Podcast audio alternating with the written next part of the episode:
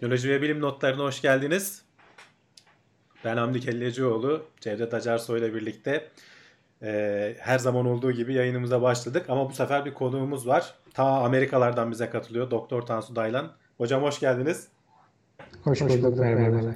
Ee, ilk dört konu aslında sizin alanınıza giriyor değil mi? Biraz e, Nobel Fizik ödülleriyle, tıp ödülleriyle başlayacağız. Ondan sonra uzaya, kozmolojiye şey yapacağız, uzanacağız. Ee, sizin biraz kendinizi tanıtır mısınız? Aslında Cevdet'in programları izleyenler sizi biliyorlar. Siz daha önce katılmışsınız ama Tekno Seyir'den izleyenler henüz tanımıyor olabilirler. Hamdi abi, abi yankı, yankı varmış, onu, onu bir çözelim istiyorsan, istiyorsan öyle, öyle hocadan dinleyelim. Ee, yankı kimden var acaba? Hoca konuşurken mi var? Benim sesimde mi var? Ee, bende olabilir. olabilir. Hocamızın, Hocamızın ikimizin de eğer source açıksa birini kapatabilirsin. Onlar, Onlar tek, tek yere geliyor. geliyor. Tamam bakayım hemen. Onu deneyelim. Ee, bir tanesini kapattım. Ee, Cevdet. Tamam gittiyse yazsın arkadaşlar bize. Ha, ben konuşurken oluyormuş. Şimdi gitti mi? Herhalde gitmiş olması lazım ama. Bakalım bakalım bakalım. Tamam gitti diyorlar. İstiyorsan bir daha mı girelim? Ne dersin? Yok sorun değil. Ee, canlı yayındayız. Böyle şeyler normal. Olabilir. Hocam sizi evet. sormuştum aslında. Biraz kendinizi tanıtır mısınız diye. İsterseniz sözü size devredeyim direkt. Evet, çok teşekkür ederim. Ee, ben Tansu Daylan. Daha önce evet Gelecek Bilim'de galiba konuk olmuştum birden fazla kez galiba. Ee, Teknoseyir'e ilk kez oldu bu. Ee, öncelikle hoş bulduk. Çok teşekkür ederim davet için. Ee, ben e, astrofizik ve e, istatistik alanında çalışan e, bir araştırmacıyım. Şu anda da doktora sonrası araştırma yürütüyorum.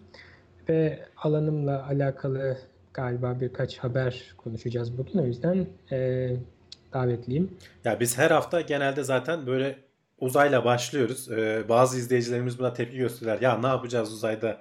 Zaten gidemiyoruz, göremiyoruz. Bize ne faydası var diye tepki gösteriyorlar ama sonuçta hep anlatmaya çalışıyoruz. Oradaki teknolojilerin çoğu günlük hayatımıza da eninde sonunda giriyor diye. E, açıkçası ben de çok severek yaptığım için peşini bırakma niyetinde değilim. Sizi de bulmuşken sorularımızla. Evet hocam teşekkür ederiz. Yani şu an iştesiniz diye düşünüyorum. Öyle değil, öyle konuşmuştuk.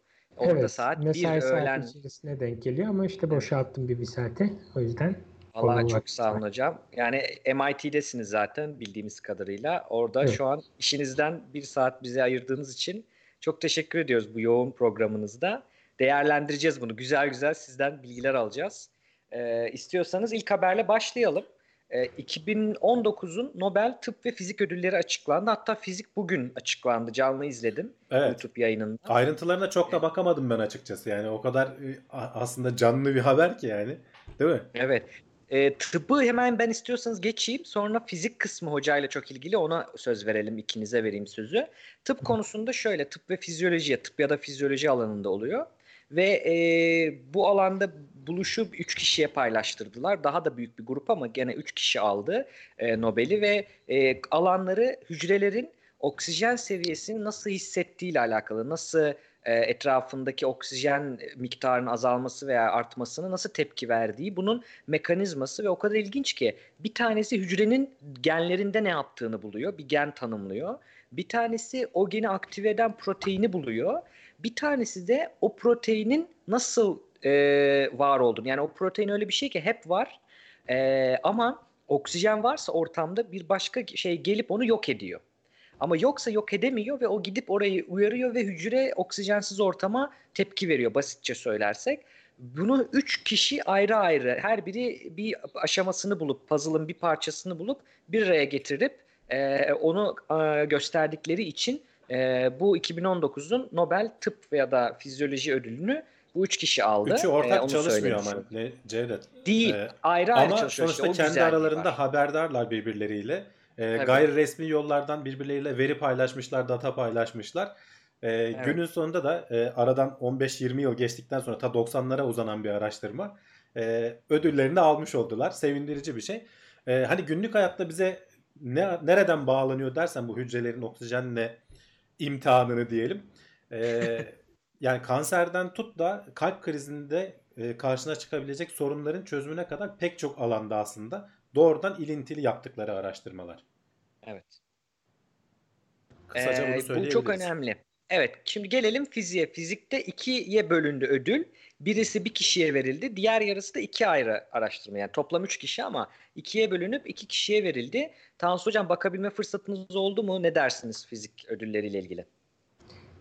Ya şöyle başlayayım. Açıkçası benim için biraz sürpriz oldu. Çünkü bu astrofiziğe verilmesi bildiğiniz üzere e, nadir gerçekleşiyor. Ve bu seneki bu ödülü özel kılan da aslında sadece astrofiziğe değil iki astronoma verildi. Optik astronoma. Bu Nobel'in tarihi boyunca çok fazla gerçekleşen bir şey değil. Genel olarak astronominin problemi şudur. Yani Nobel e, komitesi olsun, e, Nobel çevresi olsun. Genelde bu ödülün e, temel bilimlere verilmesi gerektiği konusunda haklı bir yargıları var. E, bu nedenle astronomideki çoğu konu bu çatının altına girmiyor. Genelde daha çok işte astrofizik ve hatta parçacık astrofiziği bu temel fiziğe e, daha yakın olduğu için e, büyük bir sürpriz oldu. Elbette öte gezegenlere e, bu ödülün verilmesi gerekiyordu eninde sonunda. Sadece zamanı belli değildi. Ve zaman içerisinde demek ki olgunlaşmış ki, belirli taşlar yerine oturmuş ki artık bu sene itibariyle bunu gerekli gördüler. E, bu arada ben konuya doğrudan girdim. Yani kısaca açıklayayım. E, ödülün yarısı kozmolojiye gitti. James Peebles'a. Geri kalan e, yarısı da e, doktor öğrencisi hoca ikilisine gitti. E, Aa, doktor öğrencisiyken mi aldılar? E, evet. E, Didier. Çok e, doktora şey ya. öğrencisiyken dok yani artık e, bayağı artık genç, değildir yani. ama değil mi? Yani o zaman doktor yok, öğrencisiydi yok, herhalde. Yok o zaman o zaman o zaman evet. Yok şu an hatta bizim bölümümüzde sabbatical'da e, Didier ee, ama bu aralar yani bugün ofiste görmedim açıkçası. Bizim işte test merkezi var burada. Genelde orada ofisi. Orada takılıyordu. Ee, Belçika'ya gitmiş yani Avrupa'da. Zaten açıkçası bu saatten sonra da büyük ihtimalle sabbatical oldu, olduğu için şimdi ünlü de oldu. Büyük ihtimalle buraya pek daha göremez. Daha vuramaz evet. kolay kolay. diye Hocam ediyorum. geri gelirse yalnız şu onu ate, hani ateşi geçince bu Nobel'in hani bir, bir iki üç ay sonra bir, bir rahatlayınca geri gelirse e, bağlantı kurmanızı isteyeceğiz yani sizin üzerinizden. Çünkü bir Nobel ödüllü birini çok ağırlamak istiyoruz. Aziz Sancar'la çok e, mesaj atıyoruz ama hiçbir şekilde geri dönemedi. Bir şekilde Hı. ulaşmadı galiba mesajlar. Ama istiyoruz yani. Onu söyleyeyim. Araya sokuşturayım onu. Döneriz bakalım. Yani buradaki sabbatical zaten bir dönem e, yanlış bilmiyorsam. E, ve o normalde Cambridge'de yani e, Avrupa'da bir araştırmacı. Bizim buraya gelmesinin sebebi e, işte test burada olduğu için e, günümüzde öte gezegen e, araştırmalarını elbette bu araştırmalara veri sağlayan deneylerden bir tanesi test olduğu için e, gelip hani buradaki kolaborasyonları falan izleme ve burada işte bize katkıda bulunabileceği için buraya gelmişti. Birkaç aydır buradaydı. İşte kolokyumları falan verdi. Öyle. Yani heyecan verici açıkçası. Evet. Hem alan için çok heyecan verici hem astrofizik için genel olarak çok heyecan verici. Tabii bir de kozmoloji tarafı var. Ee, o da çok heyecan verici. Kozmik arka plan ışıması mesela çok önemli bir nesnedir fizikte. Ve e, bugüne kadar e, kozmolojide gözlemsel olarak birçok Nobel ödülü alındı e, veya verildi diyeyim. Ama teorik açıdan burada büyük bir eksiklik, büyük bir boşluk vardı. O yüzden bu boşluğun doldurulması açısından da çok değerli, çok önemli, sembolik bir e, amacı da olmuş olduğunu düşünüyorum bu e, ödülün. Bu Peebles hocam e, yani şeydeki o komiteyi bu arada o yayını izleyebilirler YouTube'da. Hani İngilizcesi yeterli olan arkadaşlar çok güzel anlattılar. Çünkü onu seviyorum yani Nobel komitesinin o sunumunda daha herkesin anlayacağı şekilde anlatıyorlar. E, gazeteciler vesaire oluyor. Oradaki bir başka profesör, fizik profesörü komiteden anlattı. Peeble'ın e, şey buluşunu neden bu kadar hani önemli olduğunu, bizim bütün kozmosa bakışımızı değiştirdiğini ve şey örneği verdi çok güzel. Belki onun videosunu gösterebiliriz. E, kahve örneği verdi. Oraya bir böyle French press'te hmm. kahve getirmişler. Çok güldüm izlerken. iş yerindeydim ben de. Arkadaşlar diyor ki neye gülüyorsun? Yani getirmiş kahveyi ve şey dedi. Hani kahveyi döküyoruz dedi. Bu kahve e, karanlık e, enerji bu kadarını oluşturuyor. Süt dökelim biraz dedi. O işte karanlık madde diyebiliriz ona. Ve bizim geri kalan bütün madde görebildiğimiz üzerine bilim bugüne kadar bilim yaptığımız madde üstüne şöyle bir iki tutam şeker attı böyle yani eliyle kesme şeker bile atmadı. Bu budur e, dedi yani oranları göstermek açısından. O çok akılda kalıcı oldu. E, o konuda ne dersiniz? Yani e, hakikaten o yapılan e, kozmik arka plan ışımasını mesela televizyon açık bırakıldığında bu e, karıncalanma şeyinin e, görüntüsünün karıncaların oradan geldiği söyleniyor. Bu doğru mu gerçekten? E, büyük bir kısmı oradan geliyor. Tamamı değil. Elbette e, yani milimetre altı dalga boylarında arka plan oluşturan çok fazla gürültü var e, dünyada. Sadece o değil ama e, büyük bir kısmı oradan geliyor. E, yani açıkçası Jim gerçekten çok güzel bir insan. Bence yani hani araştırmacı kişiliğinin ötesinde ki bu astrofizik e, çevrelerinde çok konuşulan bilinen bir şeydir. Çok iyi bir insan. Yani böyle babacan gelip sizinle hani muhabbet eder, e, alçak gönüllüdür. O o bakımdan e, hani bence iyi bir insana gittiğini düşünüyorum. O bakımdan çok isabetli oldu. E, ve onun çalışmaları bir şekilde bu karanlık madde, karanlık enerji problemlerine birçok istikametten değen araştırmaları var. Yani sadece bir konuda uzman olup o konudan almadı aslında. Zaten e, Nobel e, Ödül Komitesi de zaten hani çok genel bir şekilde e, orada başlık geçmiş ki e, yerinde olmuş bu. Çünkü işte o Big Bang mesela nükleosentezinden, büyük patlama nükleosentezinden tutun kozmik arka plan ışımasına kadar işte yapı oluşumuna evrende, yapı oluşumuna kadar, galaksi oluşumuna kadar birçok fikri ortaya atan ilk olarak atmasa da ciddi ciddi matematiğini ortaya döken insanlardan bir tanesi. Yani kozmik arka plan ışıması örneğini verecek olursak ilk insan değildi tabii ki bu konuyu ortaya e, ilk olarak kozmik arka plan ışımasını mesela e, öngören insan olmamasına rağmen e, bu konuyu derinlemesine inceleyen ve en tutarlı tahminleri yapan insanlardan biriydi. Bu çok önemli. Az önce Cevdet'in ee... verdiği örneğe aslında biraz değinmek istiyorum. Hani televizyonlarda e, yayın olmadığı zaman gördüğümüz karıncalanma diyoruz ama artık teknoloji öyle bir noktaya geldi ki öyle bir şey görmüyoruz. Yani yeni nesil bizi izleyen e, 18-19 yaşında çocuklar, gençler şey diyecekler yani öyle bir şey duymadık, hiç görmedik diyecekler. e, asıl keşfedildiği zamanlarda vardı değil mi? Bu biraz daha analog yayınlar falan daha çok yaygınken artık pek evet, öyle evet. bir şey söz konusu değil. Analoji yaparken dikkatli olmak lazım doğru. evet. Çünkü onlar büyük ihtimalle Z ve Y e, yok. E, eski jenerasyonları e, ancak e, e eski jenerasyonlara hitap eden evet, yani tüp, olduğu tüplü için. TV'nin zamanlarından kalma şeyler. Evet. evet aynen. Bize bile yetişmedi neredeyse. Hamdi abi yalnız dikkatini çektim. Biz mesela işte Nobel şeyse hoca P, by Peebles falan diyoruz. Tansu Hoca şey diyor. Jim çok iyi adamdır falan yani, diyor yani. İşin, hani, işin merkezinde olunca normal yani. çok güzel. Yani bugün ofiste göremedim diyor yani düşünürsen. Yani düşünebiliyor musun? Hani madalyayı yani, getir açıkçası, görelim falan. Hani e, Didier ile birlikte hani burada çalışmışlığımız var. E, Jim'le doğrudan hani çalışmadım ama akşam yemek yemişliğimiz vardır. E, o yüzden hani biraz tanıyorum kendisini. Ama zaten kendisi çok ünlü bir insan. Yani herkes açıkçası benim alanımdaki neredeyse herkes tanıyor. Hı. Ve herkesin hayatına bir şekilde dokunmuş bir insan. Ee, biraz da bu e, araştırmaların dediğiniz gibi her alandaki araştırmalarından bir tanesini bahane ederek hepsini aslında ödüllendirmek için veriyorlar değil mi? Tabii ki evet. Yani bunlar biraz sembolik de tabii ki. Yani e, ödüllendirmenin sıkıntısı şu ki sonuç olarak bu ödülü hak edecek. Yani şu cümleye şöyle başlayayım. Bu ödül, verilen ödüller kesinlikle hak ediliyor. Burada bir soru yok. Ama bu ödülleri hak eden çok daha fazla insan var. Ee, ve tabii ki ödülleri senede bir en fazla işte birkaç kişiye verince e, burada tabii ki bazı ins- bazı insanlar mutsuz oluyor. Bu doğrudur hak edip alamayan çok insan var. Bunu da söylemekte fayda var. Çünkü dışarıdan bakınca bu çok bariz olmayabilir. Ama siz kozmoloji dediğinizde, yani kozmoloji de olmak zorunda değil, öte gezegen dediğinizde e, ve sadece yani günümüzdeki araştırmacılardan da bahsetmiyorum. Yani onların zamanında bundan 20 sene önce bile e, çok iyi birden fazla araştırmacı vardı ama birkaç kişi ancak verebiliyorlar ödülü. Günümüzde alternatif ödüller de çıktı. Hocam onlara ne diyorsunuz? E, Breakthrough Prize falan var mesela.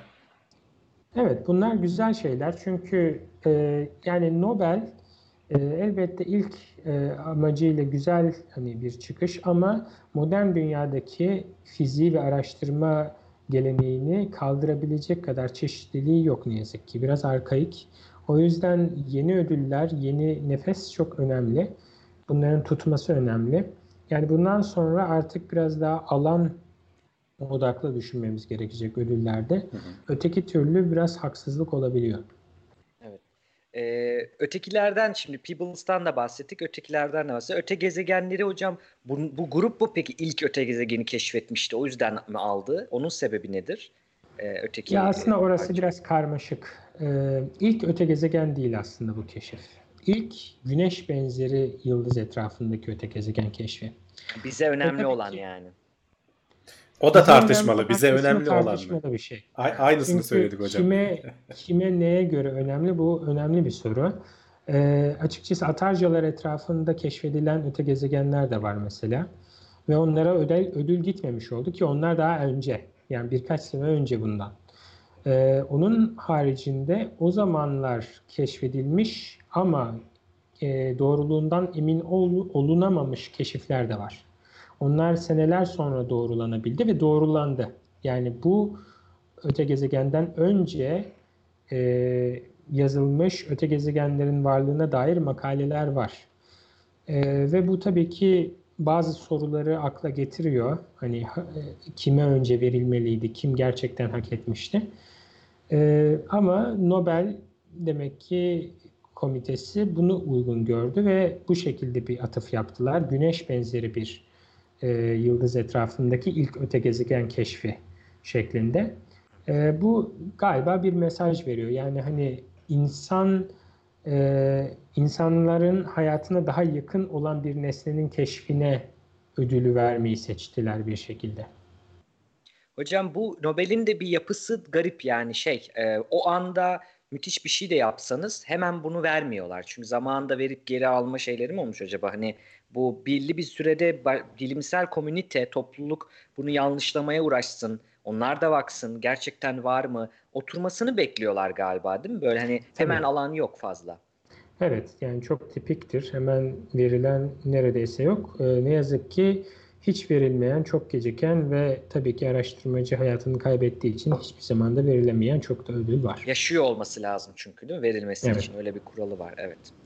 Ee, Nobel'le ilgili Hamdi abi ne dersin? Haber, öteki haberimize geçelim mi? Geçelim bence artık Nobel'i bayağı konuştuk çünkü. Konuştuk. Aynen. Ee... Ee, bu da belki ileride Nobel alabilecek bir şey. Ee, NASA JPL'den e, bir haber aslında.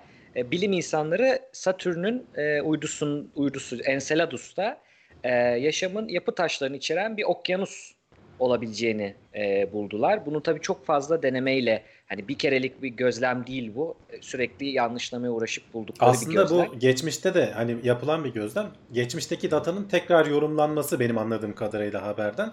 Sadece e, yeni tekniklerle içinde e, amino asitleri e, barındırabilecek, e, daha doğrusu onların yapı taşlarını oluşturacak malzemeler de bulmuş. Özellikle nitrojen ve evet. oksijenden bahsediyorlar. Şimdi zaten o uydusu, onu e, Cassini geçiyor. Cassini yaşam aramak için yapılmış bir cihaz evet. değil. Fakat şunu görüyorlar. Satürn'ün güçlü bir manyetik alanı var. Onun manyetometresi bir şey fark ediyor ki bu e, Enceladus'u normalde onun toprağına ulaşabilmesi lazım bu manyetik alan ama bir şekilde ulaşamıyor. Bir koruyucu bir durum var orada dünyanın atmosferi gibi.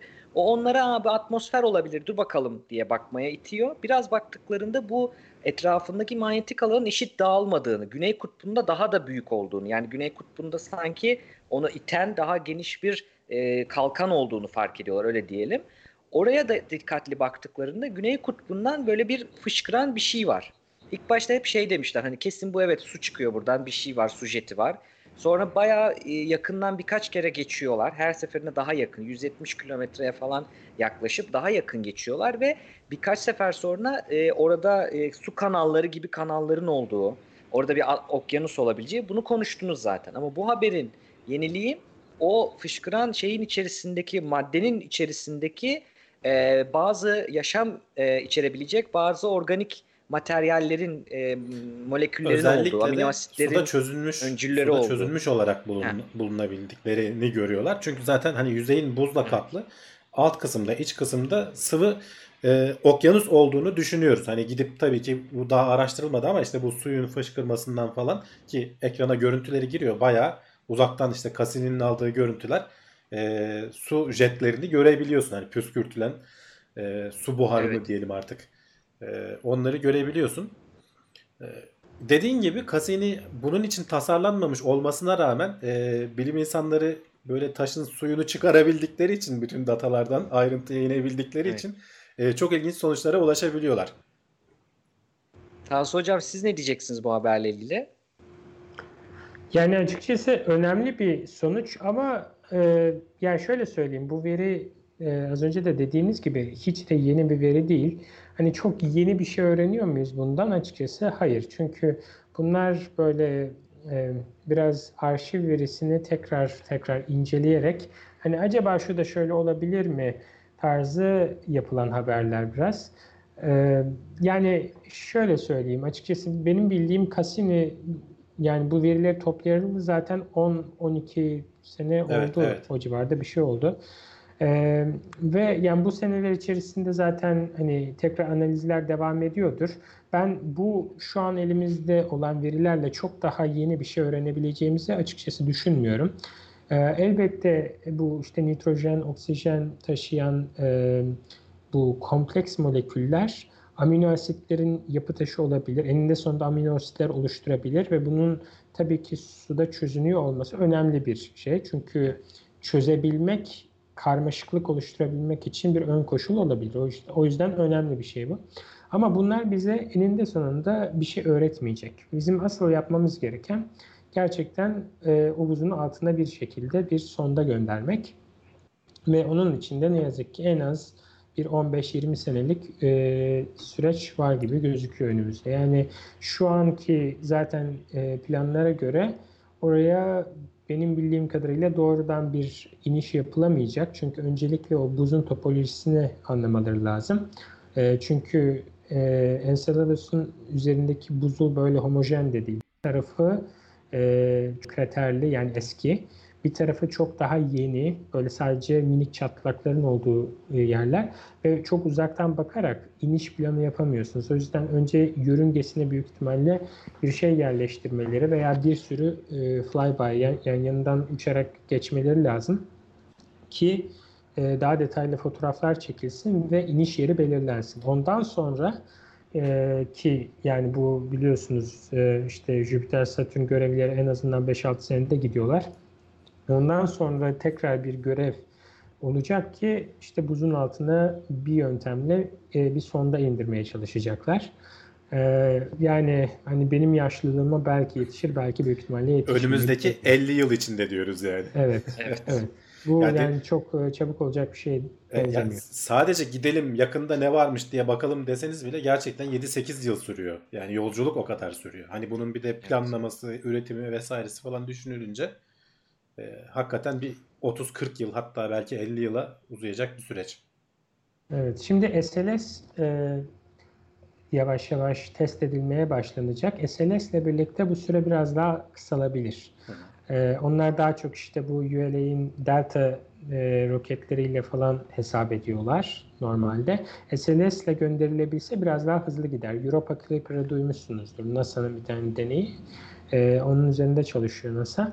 Eğer işte onu SLS ile gönderebilirlerse o zaman belki tahmin ettiğimizden kısa sürede gidebilir bu. Fotoğrafları çeker. İşte bir 2-3 sene, 5 sene içerisinde de e, bu sefer lander yani iniş aracı e, sondası gönderilebilir. SLS Space Launch System. Evet. Yeni gönderme yöntemleri. Ama o da ufukta yok Evet. hocam. Bir türlü gelemedi yani. Yani e, açıkçası SLS e, biraz e, nasıl diyeyim vergi yani vatandaş vergisiyle fonlandığı için biraz yavaş ilerliyor. Biraz da yani tam olarak anlamadığım sebeplerden ötürü çok fazla PR yapmıyorlar. Çok fazla böyle Hani e, NASA nedense çok fazla itmiyor insanları bu konuda. Çok fazla reklam yapması konusunda. Belki de gerçekten geciktiği için belki de hani böyle SpaceX'e çok rakip gibi gözükmek istemiyorlar. Tam ben de anlayabilmiş değilim Onlar ama yapsın. şu an için riske girmeyelim mi diyorlar acaba? ya şimdi şöyle bu SLS sonuç olarak e, BFR yani yeni ismiyle Starship e, bu ikisi aslında neredeyse rakipler. Çünkü yani tonajları yaklaşık olarak aynı yani taşıyabilecekleri şeyler benziyor. O yüzden e, ikisi birlikte uzun vadede nasıl yaşayacaklar onu ben de çok merak ediyorum. E, çünkü yani sonuç olarak Starship ticari bir şey. E, elbette müşteri buldukça işte bir şekilde yaşayacaktır. SLS nasıl, nasıl yaşayacak onu gerçekten kestirmek zor. Ancak bunun gibi görevler olur ve devam ederse belki SLS yaşayabilir. Evet. Belki de iptal edecekler ee, toptan. Yani ticari e, şeyin önünü açmak için. Yani büyük bir kayıp olur açıkçası. Milyarlarca dolar verdiler bunun için. Ama orada yapılan Ar-Ge'li e, biliyorsunuz NASA paylaşmaktan pek çekinmiyor son zamanlarda özellikle. Evet. E, bu arada izleyicilerimize de soralım. E, soldan eğer Twitch'te izliyorsanız ya da TeknoSeyir'de soldan çıkacak. Ama mobilde izliyorsanız bir e, yapboz ikonu var. Ona basarsanız göreceksiniz. Anketlerimiz var. Sizce Enceladus'ta hayat olabilir mi diye soruyoruz. Twitch Pix diye tıklarsanız oradan oylarınızı alalım. Bakalım ne düşünüyorsunuz? Ön, diğer haberlerle ilgili de olacak. O yüzden orayı kaybetmeyin. Hocaya da soralım. Ee, o da düşünüyor mu acaba? Evet. Yani yaşam olabilir tabii ki. Hani burada bir yüzde vermek çok zor ama yani göreceli olarak konuşmak gerekirse bence yani Mars'ta yaşam olma olasılığından daha yüksek Enceladus veya benzer e, yüzey altı e, okyanuslarda yaşam olma olasılığı. Yani çünkü açıkçası sıvı olduğunu biliyoruz, sıvı su olduğunu biliyoruz. Bir çözücü var ve sonuç olarak o kriyogeyserler boşuna oluşmuyor. Demek ki içeride bir ısı kaynağı var. İşte bu e, belki daha önceki e, e, yayınlarda üzerinden geçilmiştir. Bilmiyorum işte bu e, gezegenler e, rezonansa girdiklerinde yani 1'e 2, 2'ye 3 rezonanslara girdikleriyle bir, bir, girdiklerinde birbirleriyle e, yörüngelerini eliptik hale getirmeye çalışırlar. Daha sonra bu eliptik hale getirdikten sonra da e, yıldızlarıyla etkileştikleri için tekrar e, çember haline gelir yörüngeleri ve bu süreçte de içleri ısınır. O yüzden bir ısı kaynakları vardır e, bu sebepten ötürü. Ve işte bunun gibi uydular içeriden ısındıkları için e, hidrotermal bacalar olabilir bu okyanusların tabanında. Okyanuslar tuzlu eğer mesela tuzlu ilseler o zaman e, zaten bu hidrotermal bacalar olmak zorunda. Yani kayayla bir şekilde konuşuyor olması lazım bu sıvının. Ve inanılmaz ilginç bir durum ortaya çıkıyor. Çünkü zaten bizim dünyada yaşamın nasıl başlangıç e, başladığını sorduğumuzdaki aldığımız cevaplar ailesine ulaşıyoruz burada. E, o yüzden çok ilginç ve yüksek bir olasılığı var bence yaşam bulmanın. Evet. Böylece de bir sonraki habere geçelim. Yine bir sonda. E, bu sefer Juno sondası. Bu Jüpiter'e gidiyor. Ve bunun bir değişik durumu var.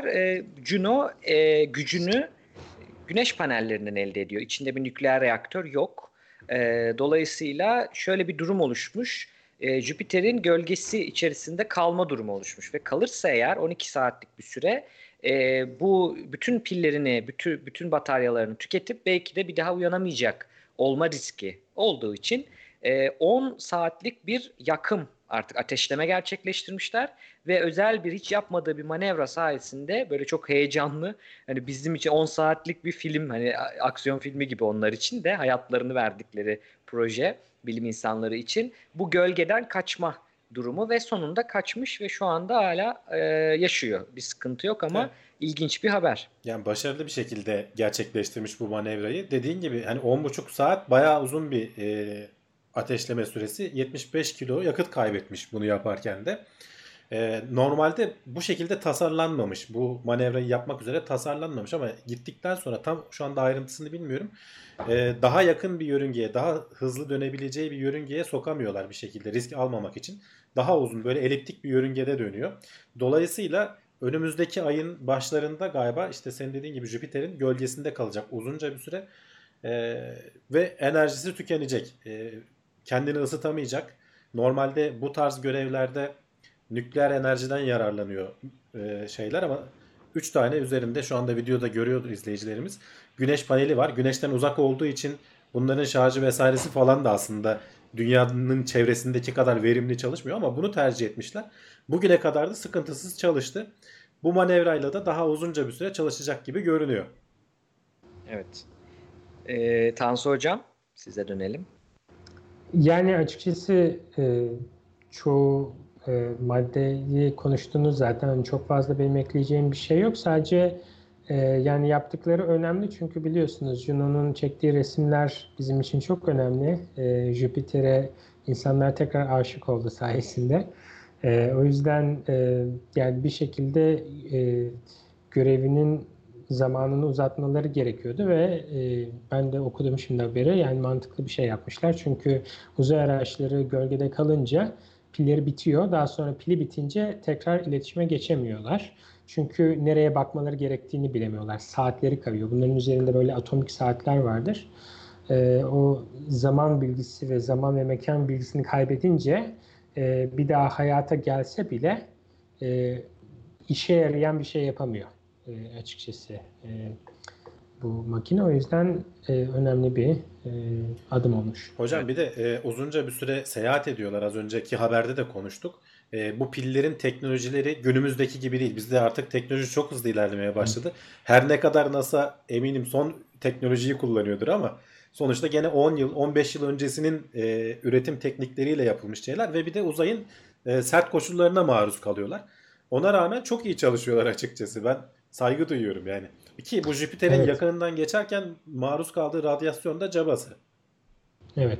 Yani Jüpiter'in radyasyonu zaten ünlüdür. Ee, çok çok güçlü bir manyetik alanı ve e, manyetik bandı var. Bizim işte Van Allen e, kuşağı dediğimiz e, e, bölgenin çok çok daha şiddetlisi öyle düşünün. O yüzden e, yüksek enerjili parçacıkları böyle e, hapsediyor oraya ve daha sonra siz onun içinden geçiyorsunuz. Zaten yörüngesinin bu kadar eliptik olmasının da sebebi bu.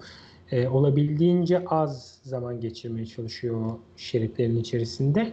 Eliptik yörüngelerde periferilyona yaklaşınca yani e, etrafında döndüğünüz gezegene yaklaşınca hızlanırsınız. O yüzden orada en az miktarda vakit geçirip daha sonra uzaklaşırsınız. Oradaki amaç o. Evet. E, 2011'de gönderilmiş bu arada Juno. E, yani 8 yıl olmuş. Yine de iyi duruyor. 2021'e kadar görev yapması planlanıyor. Belki daha evet. uzatırlar süresini ama e, sonu gene Cassini gibi olacak Jüpiter'in Ya o üzücü ya. Hani çarparak. Hani... evet. çok üzücü geliyor bana. Cassini de gitti. Bu evet demin konuştuğumuz haber Cassini gittikten çok sonra konuşuluyor yani. 2008'de aldığı verilermiş onun da. Evet. Ee, bir sonraki haberimiz biz bu haberin e, yani o, olay ufku teleskobu bu o gün müthiş o haber açıklandığında görsel çıktığında e, heyecan gününde gene Tansu hocamız kırmamıştı bizi. Bu sefer Instagram'dan hocayı almıştık ve Türkiye'deydi çok zor bir internet durumunda konuşmuştuk bunu. Ee, hocanın ilgilendiği alanı olan bir konu. Şimdi yine aynı grup Olay Ufku Teleskobu başka teleskoplar da ekleyerek bu interferometre diyorlar buna. Yani tek bir radyo teleskobu değil birçok teleskop tek bir büyük teleskopmuş gibi çalışarak e, veri elde ediyor. Bunlar sayesinde artık fotoğrafını çekmiştik diyorlar. Şimdi videosunu çekmeye çalışacağız diyorlar. E, ne diyorsunuz Tansu Hocam? Ee, ya önce şunu söyleyerek başlayayım. Ben kara delik çalışmıyorum aslında. Benim alanım değil bu. Ee, ama yani sadece e, takip ediyoruz diyeyim. Ee, daha doğrusu Biz yani de sadece hani, takip ediyoruz hocam. Düzeltelim onu evet. yani hani öyle söyleyeyim.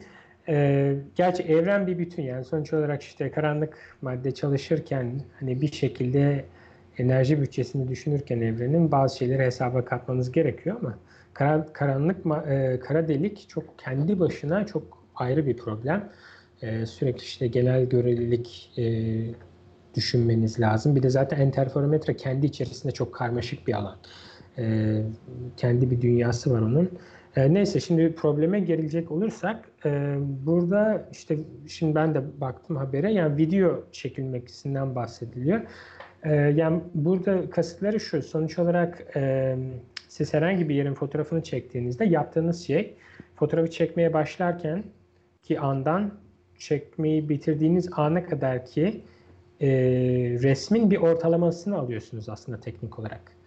E, burada yapmaya çalıştıkları şey büyük ihtimalle yeterince uzun bir zamanda bu fotoğrafı çekerlerse e, kendi içerisinde gruplara ayırıp zamana bağlı olarak değişimini inceleyebilecekler. E, ve e, tabii ki bu sefer e, akla şu soru geliyor. Ne kadar hızlı değişiyor peki bu kara delik?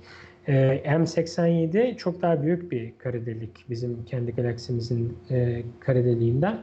Süper kütleli kara deliğinden. O yüzden M87'nin çok daha böyle yavaş değişmesini e, değişeceğini tahmin ediyorum. Ben tabii çok fazla hani araştırma alanım olduğu için çok sayıları bilmiyorum ama yani e, M87'deki benim bildiğim kadarıyla böyle güneş sistemi kadar büyük bir şey. O yüzden e, değişme milyar katıymış yani kütlesi bizim güneşimizin 6,5 güneşimizin. milyar tamam. katı. Yani büyüklük olarak o olay ufku yaklaşık olarak bizim güneş sistemimiz kadar bir şeye denk geliyor olması lazım. Ee, bu yüzden o o zaman ölçe daha doğrusu o uzay ölçeklerindeki zaman karşılığı büyük ihtimalle aylar veya yıllar olabilir. Ama bizim kendi kara deliğimiz yani şey e, Samanyolu'nun merkezindeki süper kütleli kara delik daha küçük. Onun zamana bağlı değişimi daha küçük zaman ölçeklerinde olur büyük ihtimalle. Ee, ama hangisini önce yaparlar açıkçası şey ben... Şey yapacaklarmış e, hocam. Sagittarius, Sagittarius A yani bizim e, e, Samanyolu'nun merkezindekine bakacaklar bu sefer. Ki daha zor olduğunu söylemişlerdi. Hani evet. o yüzden ötekine baktık. Bu daha küçük, daha çok hareket ediyor. Yani biz şimdi şuradan 30 kat zoomlu telefonlar çıktı. Hani şimdi Hamdi abilerin konuya gireyim azıcık ama onunla uzaktaki bir objeyi çekerken elinizin en ufacık bir hareketi bile ya da o objenin hareketi ne kadar etkiliyor. Burada fotoğrafı çekilen şey ya da alınan veri çok müthiş önemli buradaki hareket ve e, anlatırlarken Sagittarius A'nın yani bizim e, Samanyolu galaksimizin merkezindeki olan bu fotoğrafı çekilen değil başka. Bu başka. Bu küçük küçük ve daha çok yaramaz bir çocuk gibi daha hareketli olduğunu e, söylemişlerdi. Dolayısıyla onu fotoğraflamak zor, video çekmek belki de biraz daha zor diye düşünebiliriz. Evet. Yani alınan data nasıl şanslı... işlenecek? Ben aslında onu merak ediyorum hocam. Yani evet. e, şu, sadece tek bir resmin oluşturulması bile yıllar almıştı. O, o kadar büyük datalardan bahsediyoruz ki e, kablolarla falan taşınamıyor. Hard disklere kay, kaydedilip taşınıyor. E şimdi sen video diyorsun e, e, saniyede kaç kare olacak falan. Hani benim aklım almıyor. Nasıl bir işlem gücü gerekecek bunun için? Evet. Ya oradaki videonun zaman çözünürlüğü çok yüksek olmayacak tabii ki. Yani video deyince 30 e, frame per second tarzı bir şey, FPS tarzı bir şey düşünmeyin. E, ama yani buradaki önemli olan nokta hani elinizde 5 tane bile e, resim olsa onları arka arkaya koyabilirsiniz. Bu size bir şeyler anlatıyor olabilir. E, ve hani burada ne anlatıyor olabilir diye soracaksınız. Sonuç olarak bu galaksi merkezlerindeki kara, e, e, kara delikler durdukları gibi durmuyorlar. Arada bir bunların etrafına işte gaz, toz bulutları geliyor. Bazen yıldız yutuyorlar ve bunlar olduğunda bunlar canlanıyor etrafındaki diskler. E, işte onlardan birini yakalayabilseler mesela o bize genel görelilik hakkında çok daha fazla şey öğretebilir. E, o yüzden çok heyecan verici olur tabii ki öyle bir şey yakalayabilseler. Evet. Ee, bu şekilde. Bir sonraki habere geçelim mi Hamdi abi? Geçelim. Ee, artık tamam. uzaydan biraz uzaklaşıyoruz. Ee, yer küreye dönüyoruz en sonunda. evet. ee, bilim insanları kuşların beyinlerini uyararak daha önce bilmedikleri şarkıları öğretmeyi başarmışlar. Ee, beyinlerini nasıl uyarıyorlar dersen Cevdet, e, nöronları bir şekil optik e, şeylerle bağlıyorlar. Artık o kadar küçük şeyleri nasıl nasıl bir operasyonla beyinlerine girip yapıyorlar bilemiyorum ama gerçi sen bir video bulmuşsun onu oynatırız birazdan. Evet. E, yeni şarkılar öğretiyor derken aslında başlıkta biraz gene klik çalmaya yönelik e, bildikleri evet. şarkılardaki bazı heceleri daha uzun süre söyletmeyi öğretmişler aslında. Sonuçta e, basit bir sinyal vererek e, beynine yeni anılar eklemişler diyebiliriz aslında. Hani öğrenmeyi tetiklemişler. Şimdi e, optogenetik denen bir olay var. Opto, optogenetik yani optik ve genetik e, öyle bir alan var. Bu 2015'te yeni yeni e, oturmuştu öyle diyeyim. Bu arada e, sözünü o zaman kesiyorum. Öğrendim. E, ekrana ha. görüntüsü geldi. Fareler üzerinde yapılan bir deney yani dedim ya. Evet. onun videosu. Farelerle çok uzun zamandır yapılıyor e, bu şekilde ve amaç şu aslında şöyle çalışıyor bizim nöronlarımızın iç, e, hücre zarlarında diyelim dış kısımlarında iyon kanalları var. Bunun içine iyon girdiği zaman o değiştiği zaman ateşleyebiliyorsunuz. Fakat burada sanırım genetiği değiştirilmiş bir e, hücre şekli kullanılarak e, bir bakteriyle onu ha, galiba genetiğini harmanlayıp yani onu bir fotosensitif hale getiriyorlar. Yani oradaki bir bakteri galiba işte bu CRISPR'la da olabilir. Bu o kısımdaki iyon kapılarını ışıkla açılacak şekile getiriyor. Önce bu ilk yapılan bu. O yüzden hani o özel bir nesil bir kuş olacak. Özel bir nesil bir fare olacak. Hani normal herhangi bir farede veya olmaz. Çünkü beynine ışık verdiğinde bir tepki vermez normalde nöron. Birinci aşama o. Daha sonra fiber optik kablolarla o ışığı tamı tamı tamına o istediği nöron bölgesine iletecek bir şekilde bir e, ameliyat yapıyorlar. İşte bu videoda görüyorlar. Yani zaten ilginç olan kısım bence en ilginç olan kısım bu. Nasıl onu oraya sabitleyebiliyorsun? Evet. Çünkü hayvanlar durmuyor gördüğün gibi. Sürekli evet. hareket ediyorlar.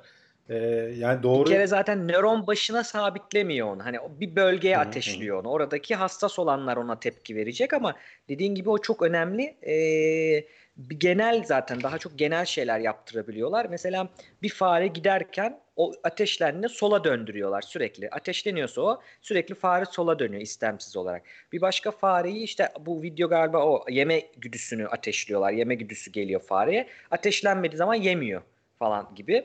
Burada kuşlarda da bu şekilde iki ayrı bölgeyi bu sefer uyararak şarkının hiç daha önce duymadıkları bir şarkının hecelerinin uzunluğunu öğretmişler. Burada verilen uyaranlarla. Hı hı. Daha sonra o şarkı geldiğinde, hani o yüzden clickbait dedik.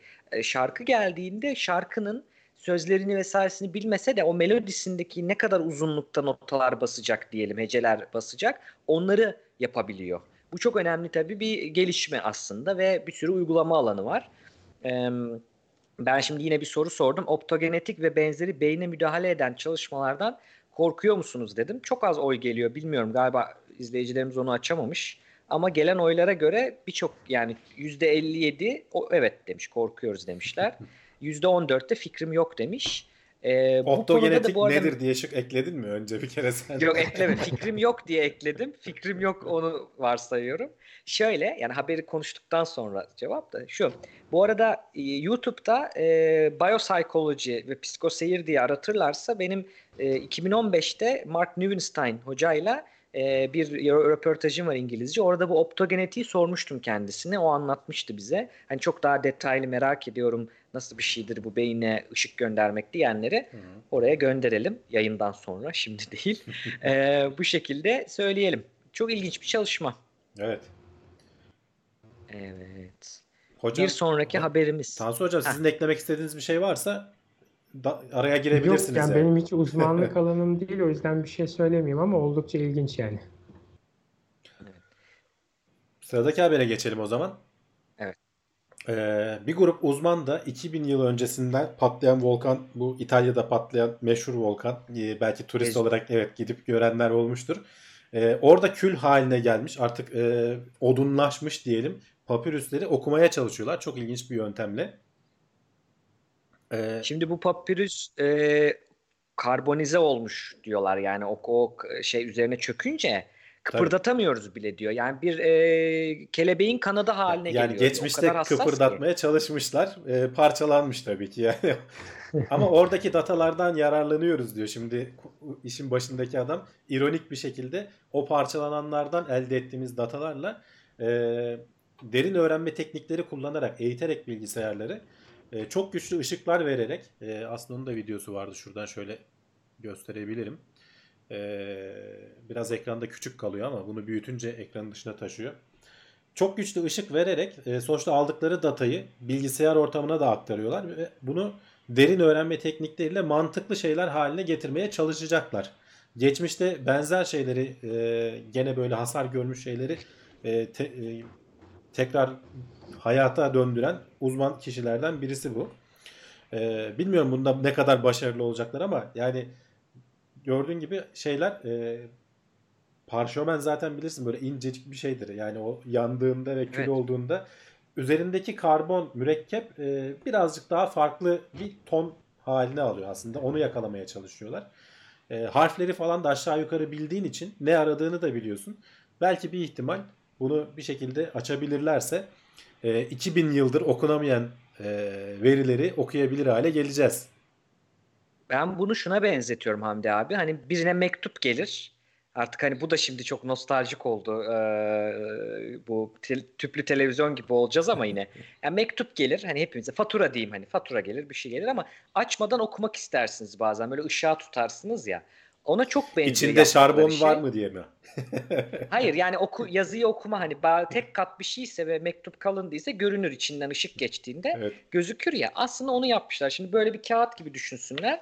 Bunun tabii sıkıntısı şu tek sayfa olursa bu bakın bende de ışık var gözüküyor. Ama e, öyle değil bu böyle rulo halde parşömendir göstereyim şöyle canlı yayında. Böyle bir şey. Şimdi burada kaç kat yazı satır kaç sayfa ayrı ayrı evet. yazı var. Ben bunun içine ışık geçiriyorum. Işık geçirmiyorlar tabii. Çok yüksek oranda X-ray geçiriyorlar. X-ray geçiyor. Öteki tarafa düşüyor bu. Oraya yazılıyor. Scanner gibi düşünsünler. Bunu de çevirerek 360 tarıyorlar. Fakat makine öğrenmesinin güzel geldiği yer hangisi kaçıncı katmanda, hangisi kaçıncı sayfada yani e, onun oryantasyonu nereye ait onu anlamlandırmak zor. Yoksa tarayabiliyor dediğin gibi. Bu çok önemli bir şey ve bana çok ilginç. Sihir gibi ya. Hani bilimi yeterince evet. gelişmiş bir teknoloji sihirden ayırt edilemez diye bir söz var ya. Aynı o şekilde yani okuyamadığın kapalı bir zarfı okuyabiliyorsun. Bu yöntemle. Müthiş bir şey o yüzden. Evet 2000 yılda anca bu teknoloji seviyesine ulaştık. tamam geçmiş şeyleri okuruz artık böyle. Acaba adam şey yapıyor mudur hani başkasına gelen mektubu oraya koyup okuyor mudur? Kötüye kullanım falan diye. Ee, Tansu Hocam siz ne dersiniz? Siz de bir mühendissiniz hatırladığım kadarıyla. Yani mantıklı fikir açıkçası. Derin öğrenme kısmı ilginç. Yani bunun için bayağı bir çünkü eğitim verisine ihtiyacı var. Onu nereden buluyorlar? İşte o geçmişte bilmiyorum. parçalanmış parşömenlerden buluyorlarmış hocam.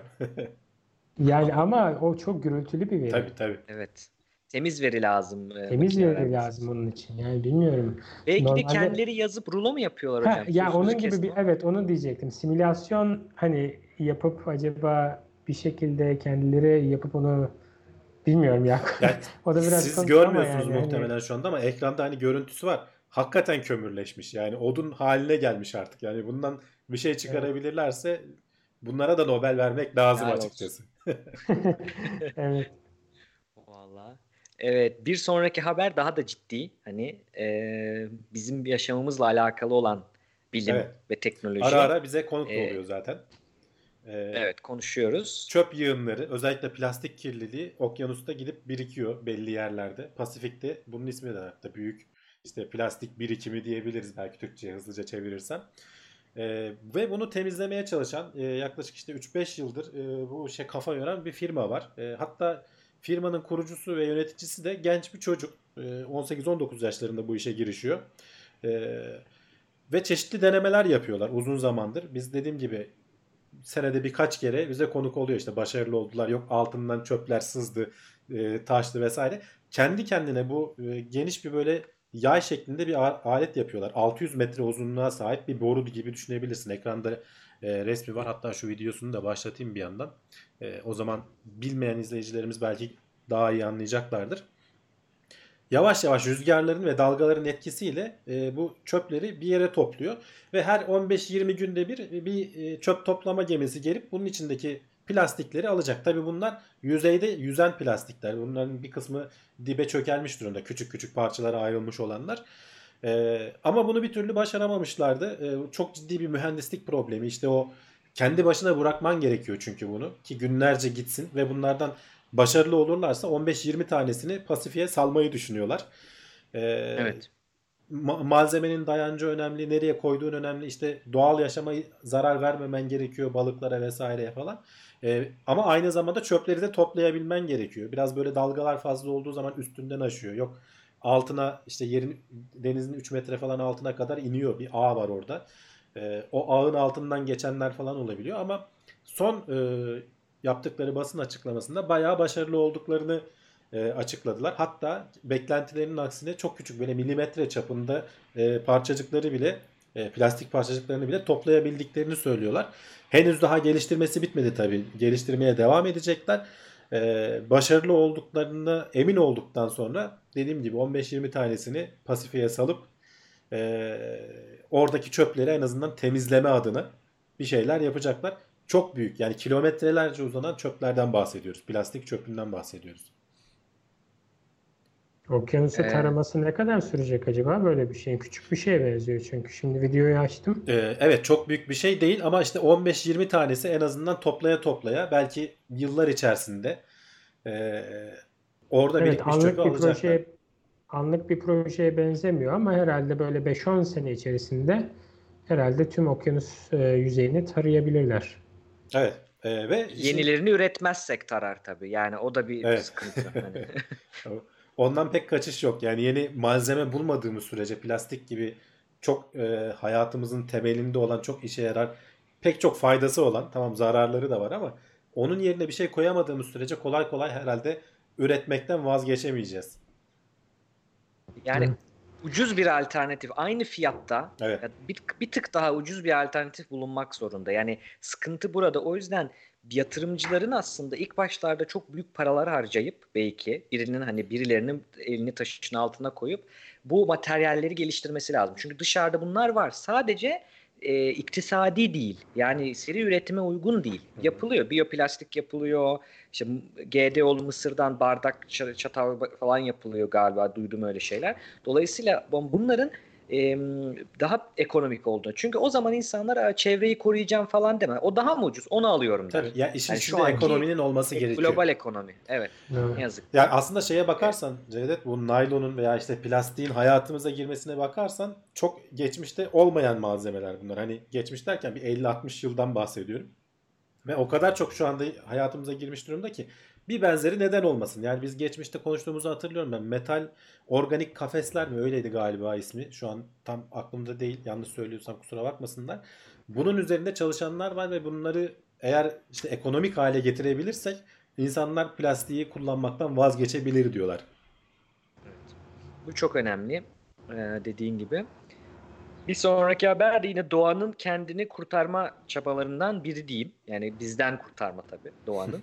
sadece ee, biz değil canım. Her türlü Sadece avcıdan. biz değil. Doğru söz. Evet, biraz orada demagoji yaptım. Ama bir bağlayayım dedim haberi. Can abi gibi bağlayamıyorum Hamdi abi. O Can'ın Şimdi, özelliği canım. E, Ona yapacak bir şey yok. Valla Can abi gibi olmuyor. Evet.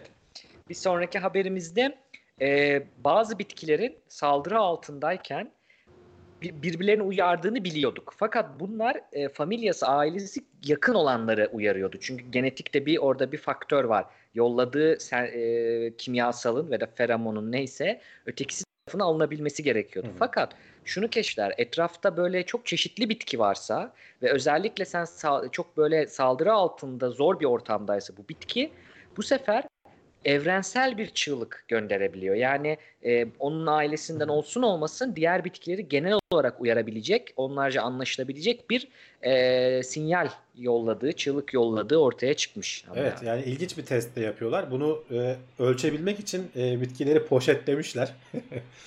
Kontrol grubu var onlar poşetlenmemiş. Çünkü köklerden de haberleşmediğinden emin olabilmek için hem toprağın evet. altında hem üstte bayağı bildiğin plastik poşet içine almışlar.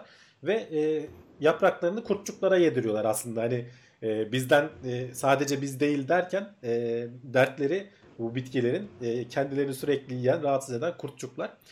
E, yapraklarını yemeye başladıkları zaman işte bir çeşit kimyasal ortama salıyor ve diğer bitkiler senin dediğin gibi bunu alabiliyorlar ama e, eğer evrimsel bir baskı yoksa sadece kendi ailesine yakın olan bitkiler bu dili anlayabiliyor. Yani bu bitkiler sadece kendilerine avantaj e, sağlayacak şekilde konuşmalarını şifreliyorlar aslında tam anlamıyla bu. Ama ihtiyaç varsa ve güç birliği yapmaları gerekiyorsa e, evrensel bir dile geçiyorlar ve hepsi bir şekilde haberleşebilir hale geliyor. Farklı farklı türlerden olmaları fark etmiyor. Nasıl bunu e, yaptıkları henüz araştırma şey yapılmamış, ayrıntısına inilmemiş. Yani daha doğrusu e, sinyali yaydıklarını biliyoruz ama diğer bitkilerin bunu nasıl aldıkları, nasıl bir mekanizmayla bu haberi aldıklarını araştırmaları gerektiğini söylüyorlar uzmanlar. Evet. Ama gerçekten ilginç bir haber. Çok ilginç. Ee, bir başka bilgi örneğin mesela e, tobacco'nun yani tütün bitkisinin de e, güveleri e, bir nasıl diyeyim kendini güvelerden korumak için de e, bu şekilde bir acı bir tat yarattığı biliniyor. Yani bu öyle bir örnek vermişler. Ondan da bahsetmiş Bu arada olalım. sadece diğer bitkileri uyarmak değil. Mesela başka bitkilerde şey de var. E, bu saldıkları koku mesela ortama şeyleri çağırıyor e, yaban eşek arılarını çağırıyor. Ve bu eşek arıları biliyorsun e, gidip bazı e, bitkilerin içine yumurtla, yumurtalarını bırakıyorlar ve bir süre sonra onlar imha oluyor. e, böyle teknikler hani karşılıklı e, e, faydayı öne çıkaran evrimsel metodolojiler geliştirebiliyorlar.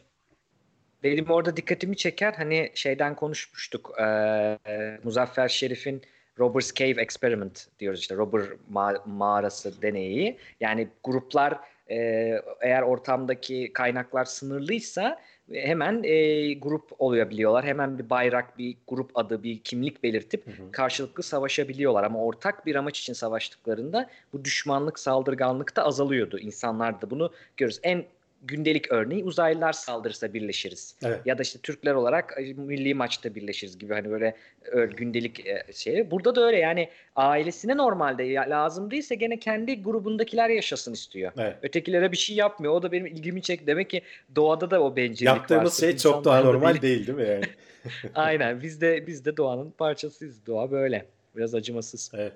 Son haberimize geldik. Bu arada Tansu Hoca bizi şey yapmıyor. E, kibarlığından bence. Hocam varsa konu e, bir e, ekleyeceğiniz bir nokta lütfen. E, yok yok rica ederim. Yok yani gerçekten yani benim çok ya ben şimdi hani olayın detaylarını bilmeden bir şey de söylemek Hı. istemiyorum. Çünkü haberleri görmedim bile hani gö- o yüzden evet. e, biz şey düşünmüştük. Hocanın zamanını çok almamak için ilk e, uzayla ilgili haberleri başa alıp hocaya e, onları göndermiştik ve Nobel sonradan çıktı. Ama bu da çok güzel. Hani bizle olmanız bile çok güzel hocam. Evet. E, bu zaten seri 3 yıldır devam eden bir seri. Hani Tansu Hoca'ya da anlatmış olayım onu diğer belki ilk izleyenler varsa da. 3 e, üç yıldır devam eden bir seri Can Akbulut'la Hamdi Kellecioğlu yapıyordu. E, şartların gerektirdiği ölçüde biz de artık bunu canlıya taşımak durumunda kaldı. Hem de upgrade edelim dedik yani canlı olsun. İşte anketlerimiz olabiliyor, sizlere alabiliyoruz, bir şeyler gösterebiliyoruz. Artık canlı yapıyoruz ve gelecek bilimde Teknoseyir işbirliğiyle ortak yapılan bir e, içerik. Canlı olarak gelecek bilimde de izliyorlar. E, daha sonra podcast ve video olarak da Teknoseyir'e e, de izleniyor. O şekilde bir durum var. Değil mi Hamdi abi? Evet. Ee, istersen sıradaki habere geçelim çünkü ilginç. Son haberimiz. Ee, evet. E, fast food reklamları gençlere yasaklanmalı mı? evet. Şimdi bu ben şeye bizim Leiden Psychology blog var. Ee, hep arada reklamını yapıyorum onu. Bizim psikoloji bölümünün blogu. Güzel dünyadan da takip edilen bir blog. Orada bizim bölümden insanlar güzel şeyler yazıyorlar. Bu yazanı tanımıyorum yazarını ama e, bir iki kere gördüm sanırım. E, güzel bir konuyu ele almış. Benim de ilgimi çekti. Bunu habere eklemek istedim. Bu arada anketimizde var bununla ilgili. Bakabilirler 3 numaralı ankette sorularına. Şöyle diyor ki Şimdi ergen beyninin gelişimini biz Profesör Doktor e, Berna Güroğlu ile konuşmuştuk. Belki onu izleyebilirler daha merak edenler ama e, beynin bütün bölgeleri aynı hızla gelişmiyor. Dolayısıyla hani ergenlik 22 yaşında bitiyor. Bizim sandığımız gibi hani 18 oldu artık bu çok uzun zamandır da bilinen bir bilgi gerçi. 18 e, oldun büyüdün gibi bir şey yok. 22'den sonra ortalama olarak bittiğini biliyoruz. Seçim yaşını 22'ye kadar, çıkaralım mı yani?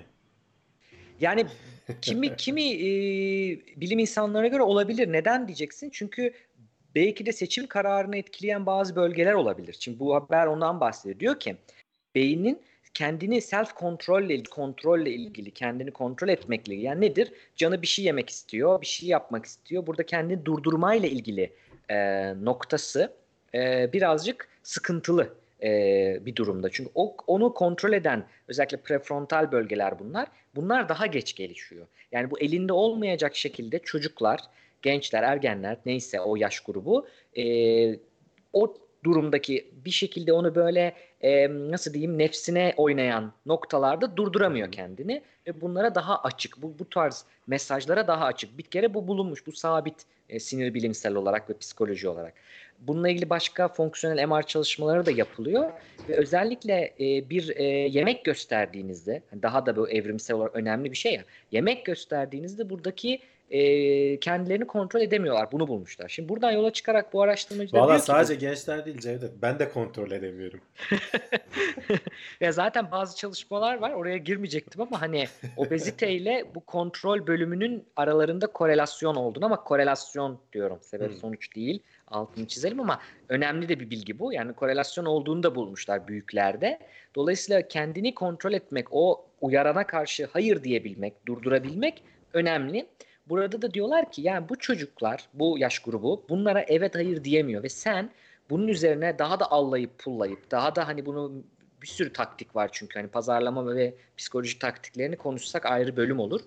Acayip taktiklerle sen bir de onlara bunu saldırıyorsun ve buradan gelen noktaya bir büyük gibi ya bu reklamdır deyip dur diyemiyor çocuk. Almak istiyor. Kendi parası da varsa ki bu yaş grubunda var gidip alıyor. Dolayısıyla Avrupa Birliği'nin özellikle bu tarz reklamları e, belki bir sınırlama getirmesiyle ilgili yaş grubuna hedeflenen yaş grubu ile ilgili böyle bazı konuşmalar var. Henüz geçmiş değil ama böyle yasa ile ilgili noktalar var. 12 yaşın altındaki özellikle çocuklara e, yemekle ilgili, yemek endüstrisiyle ilgili reklamların hedeflenmemesi. Yani nedir mesela YouTube'da reklam veriyorsa diyor ya 12 yaşın altındakilere bunu göster diyebiliyorsun ya da Facebook'ta. Bunları yapmaması özellikle. Yani bunların yasak olması. Nasıl o yaş grubuna işte ne bileyim yetişkin içerikli reklamlar gösteremediğin gibi bunların da böyle olması lazım diyorlar ama bunlara karşı çıkanlar da var. Hani diyorlar ki o zaman 12'yi sen nasıl belirledin? 12 evet. de çok afaki bir rakam olabilir. Hakikaten beyin gelişimine baktığında öyle. Hani belki de 12 ama yani 18 ama yine gelişmemiş. Ama genel araştırmacılar burada kısıtlama getirebiliriz diye düşünüyor. Bakın izleyicilerimiz ne demiş? %62 getirilmeli demiş. %38'de hayır gerek yok demiş e, aslında. Ama bu dediğim verdiğim rakamlara katılmayabilirsiniz. Çünkü bu rakamlar çok düşük. Bak şu an bizi 100 kişi izliyor. E, fe, bu fast food sorusuna mesela 21 kişi cevap vermiş. Yani göze, özellikle bu bizim izleyicimizi temsil eden bir örneklem değil bu. O yüzden çok Bayağı da bir şey ifade bir örneklem evet. evet. Daha çok oy versinler. Buradan öyle diyeyim. Ee, evet böylece haberlerin sonuna geldik ama Tansu Hoca'yı da bulmuşken e, soruları varsa özellikle öncelikle TeknoSeyir Plus sonra bizim abonelerimiz bir bakalım. Evet. E, sorular varsa alalım e, Tansu Hoca'ya. Özellikle uzay kozmoloji ile ilgili sorularınızı bekliyoruz. Evet. İzleyicilerimizden bir şey demiş Cevdet. Japonya'da lise mezunu olmayanların oy kullanmadığını duydum. Acaba doğru mudur demiş ama ben pek ihtimal vermedim açıkçası. Hiçbir bilgim yok bir şey diyemeyeceğim. De ne desem yalan olur. Ee, yukarıda bir soru vardı. Onu bakayım kaçırdım mı acaba? Ee, galiba kaçırdım ya. Bir daha yazsa aslında çok güzel olur. İlgili bir soru. Ha, e, şu buldum.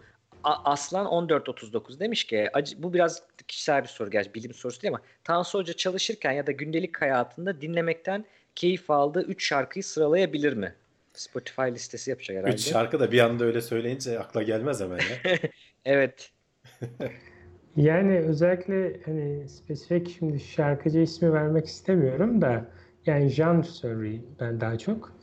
Ee, yani en çok dinlediğim yani tahmin edersiniz zaten e, klasik müzik çünkü ritim ritmik müzik çalışırken özellikle çok yardımcı olan bir şey ama ben e, klasik müziğin biraz böyle farklı yorumlarını seviyorum. E, yani işte bazen içine biraz trans katan e, şeyler oluyor, oyuncular oluyor. Bazen öyle şeyler de yani biraz daha böyle hani modern e, enstrümanlarla çalınan e, e, versiyonlarını dinliyorum. Onun dışında e, tabii ki pop müzik dinliyorum. Yani hatta daha çok Türkçe, e, biraz karışık bazen İngilizce bazen Türkçe. E, olabildiğince enstrümantal. Yani yine çünkü çalışırken çok fazla söz. Yani mesela rap en son dinleyeceğim şeydir çalışırken. Onunla ilgili bir anket vardı hocam geçenlerde yayınlandı. Hatta bilimsel araştırma mıydı anket değil de. Hatırlıyor musun Cevdet öyle bir şey? O konuda çok araştırma var. Haf, e, bu haftaya zamanımız yetmedi ama bir haberimiz olacak. Haftaya onu alalım. Söz vermiş olalım o zaman Hamdi abi. Haftaya bölümde ondan bahsedelim. E, çalışma alışkanlıkları ile ilgili bilimsel bulgular var. Yani böyle başkalarından duyduğunuz gibi değil de gerçekten kanıtlanmış e, bulgular var. Onlardan bir tanesini hani bir ön ön izleme olarak vereyim haftaya e, izlesin arkadaşlar. Ama şunu biliyoruz ki e, bir dil, herhangi bir dil, yabancı bir dil bile olsa e, kendi dilinizde bu daha yüksek ama yabancı dilde de o, o şekilde duyduğunuzda bir iş yaparken bunu artiküler bastırma diyoruz. E, o sizin o anki e, çalışmanızı aşırı derecede etkiliyor. O yüzden okumakla ilgili bir iş yapıyorsanız hani matematik değil ya da manuel elle ilgili bir iş olursa sözlü dinleyebilirsiniz ama düşünce isteyen kafanızda bir şey kendinizle konuşacağınız bir şeyler gereken veya okuma yaptığınız e, durumlarda e, sözlü müzik hangi dilde olursa olsun sözlü müzik ve gitar müziğinden kaçının diyorlar. Çünkü gitarın da öyle bir etki yaptığını bulmuşlar. Hı. Dolayısıyla gitar derken e, ama solo olalım. olmasın diyorlar. Hani yoksa Herhalde o, bütün evet. enstrümanı yani, birden gömmeyelim de. Hayır gömme değil yani çalışırken e, diyeyim. Hani enstrümantal gitarlar da var.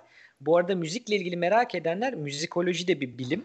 Ee, bizim iki haftada bir Perşembe günleri müzikoloji programımız var. Tansu Hoca'ya önereyim. Zaman bulursa tekrarlarına da bakabilir.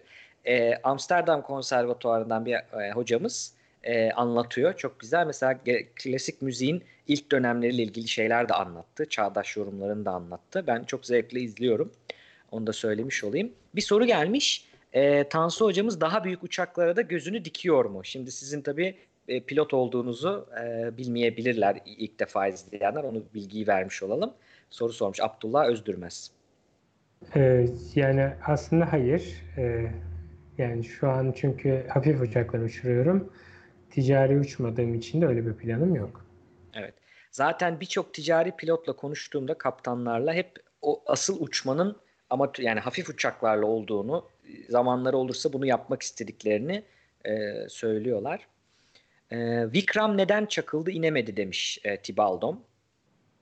Bir bilginiz var mı onunla ilgili? E, Vikram Hindistan'ın bu son ay görevi galiba. Onu, ha, onu diyor. Ya açıkçası onu çok takip etmedim. Evet yani e, ne, ne yanlış gitti açıkçası. Hani çok açık bir açık yani net bir açıklama yaptılar mı onu da bilmiyorum açıkçası. Yapmadılar hocam. E, yani yapmış yapsalar da ben kaçırmış olabilirim. O yüzden bilmiyorum. Son bir soru alalım. O, müzik dinlerken o zaman ders çalışmak sıkıntılı. Hayır değil. E, eğer enstrümantal müzik dinliyorsanız e, ve ilk defa bir müziği dinlemiyorsanız onu da öyle eklemiş olayım spekülatif olarak. E, çok sıkıntı değil. Kendi veya başka dilinizde konuşma içermiyorsa veya solo gitar içermiyorsa çok yani rahat. Kendine kaptırıp gitmeyeceksin tersine, işte. Evet arka planda kalacak müzik. Yani sizin birincil e, bilinç düzeyinize çıkmayacak ve, e, fokusu çok arttırdı. Özellikle yani Tansu hocamız işte anlattı mesela klasik müzik diyor ama trans şeyi olan klasik müzik. Çünkü o tarz müzikte zannediyorum o sebeple o fokusu çok arttıran, odaklanmayı çok arttıran bir, bir Hatta nokta. Performansını şey diyorlar, çok. Cevdet, e, sadece müzik deyip duruyoruz ama aslında kalabalık bir ortamdaki arka plan gürültüsü evet. de aynı etkiyi sağlıyor diyorlar. Yani e, evet. Sessizce odada çalışmaktansa e, hafif böyle arka plan gürültüsü olan bir yere gidin diyorlar. Ama senin çok dikkatini hani, dağıtmayacak tabii yani. Ya bir kafedesin yanındakiler dedikodu yapıyor ve sen ha, duyuyorsan ayrı, yani, yani anlıyor o olmaz.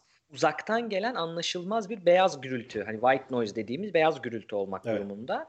Ama şuna da karşıyım. Beyaz gürültü her şeyin çaresi. Hani öyle bir nokta var ya popüler bilimde hani her şeyin değil, değil, çözümü tabii. bulunan öyle bir şey yok tabii onu söyleyelim. Ee, dilini bilmediğim yani burada zaman bir tane örnek vermiş olayım hani e, araya.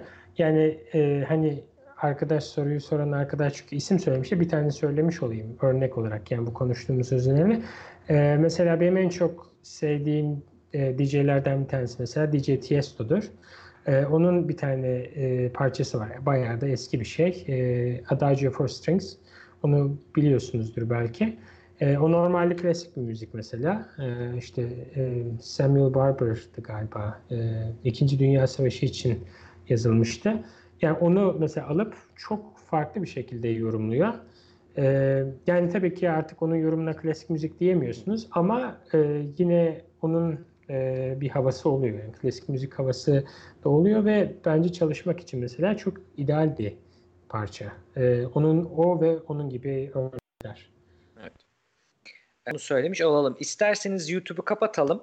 Ee, ondan sonra bir iki bir soru daha varsa bakarız. Onlar da Twitch evet.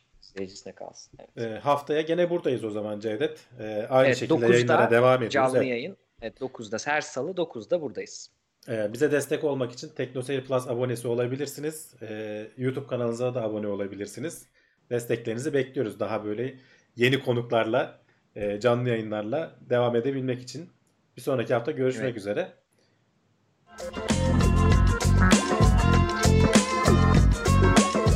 Tailwords teknoloji ve bilim notlarını sundu.